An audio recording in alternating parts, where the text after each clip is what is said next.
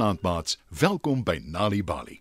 Vanaand se storie, 'n dag om te onthou, is geskryf deur Lorato Trok. Skuif nader en spit julle oortjies. Dis 'n heerlike sonnige dag.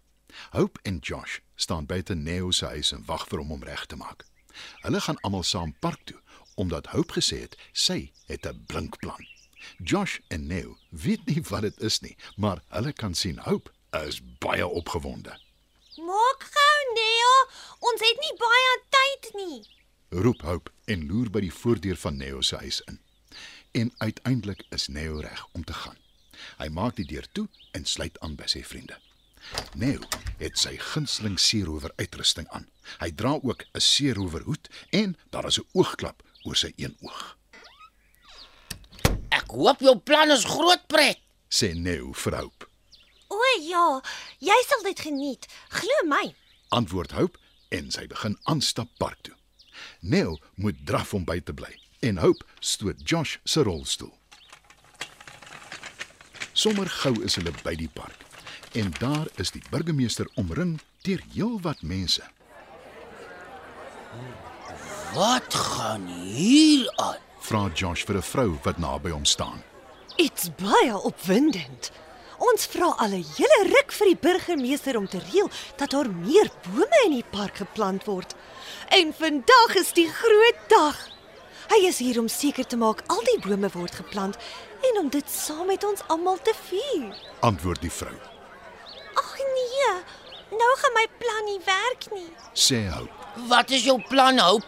Vra Neo nuuskierig. Onthou jy die nuwe boek wat my ma vir my gekoop het? Die storie gaan oor 'n dapper meisie wat haar dorpie red uit die kloue van 'n skrikwekkende monster. En ek het gehoop ons kan 'n skrikwekkende monster maak. Dit aan Josh se vlieër bind en dit dan oor die park laat vlieg, net vir pret. Maar nou is daar te veel mense hier. My plan sal nie werk nie. Sê Hope hartseer. Toe Neo sien Hope is hartseer, dink hy vinnig aan 'n oplossing. Toe maar, Hope. Ons kan dit nog steeds doen. Kom ons gaan na die bos daar aan die ander kant waar niemand ons sal sien nie. Die drie vriende gaan vinnig na die bos toe en kruip agter die digte blare en takke weg. Hope voel nou baie beter en sê: Dis hoe ons dit gaan doen, Josh. Maak jy stokkies en klein takkies bymekaar. Neo, haal af jou oogklap en jou seerowerhoed. Ek het my karate klere, 'n ballon en 'n tou saamgebring. Alles wat ons nodig het om 'n monster te maak. Die drie spring aan die werk. Josh maak stokkies en klein takkies bymekaar en hy en Neo bind dit met die tou aan mekaar vas om die monster se lyf te vorm. Hope blaas die ballon op en bind dit vas aan die lyf om die monster se kop te maak. Toe trek die maats vir die ballon Hope se karate klere aan. Hulle sit Neo se oogklap en seerowerhoed op die ballon. En sien daar, hulle het 'n monster. Toe bind hulle hom aan die vleuer vas. Hier gaan ons. roep Josh toe hy die vleuer in die lug opgooi. Intussen het Bella, haar mamma en hulle hond Noodle in die park aangekom. En toe Noodle die gedierte in die lug sien, begin hy wild te blaf en aan sy leiband te trek. Noodle, Roep Bella en sy probeer Noodle terughou. Maar dis te vergeefs. Hy is te sterk en hy trek so hard in die leiband dat Bella dit moet laat los. Noodle hardloop in die park rond om die monster in die lug te jaag, met mamma en Bella agterna. Toe begin die monster in die rigting van die burgemeester te beweeg. Ag nee. Stop, Noodle. Skree Josh, maar dis te laat. Almal kyk geskok hoe Noodle opspring om die monster te vang en in die proses stamp hy die burgemeester van sy voete af. Ja! Nou. Roep die burgemeester verbaas toe hy op sy rug beland met Noodle bo op hom. En die monster land reg langs hulle. Neo, Josh, Hope, Bella en haar mamma hardloop nader om te help. Dit is so jammer. sê Hope terwyl sy die burgemeester ophelp. Toe verduidelik sy haar plan vir hom. Haar plan wat skeef geloop het. Die burgemeester luister geduldig totdat sy klaar gepraat het. Toe kyk hy na haar en hy begin lag. Wel, hoop. nou kan jy jou eie storie skryf oor 'n skrikwekkende monster, sê hy. Almal is verlig dat niemand seer gekry het nie en ook dat die burgemeester nie vies is nie. Baie dankie.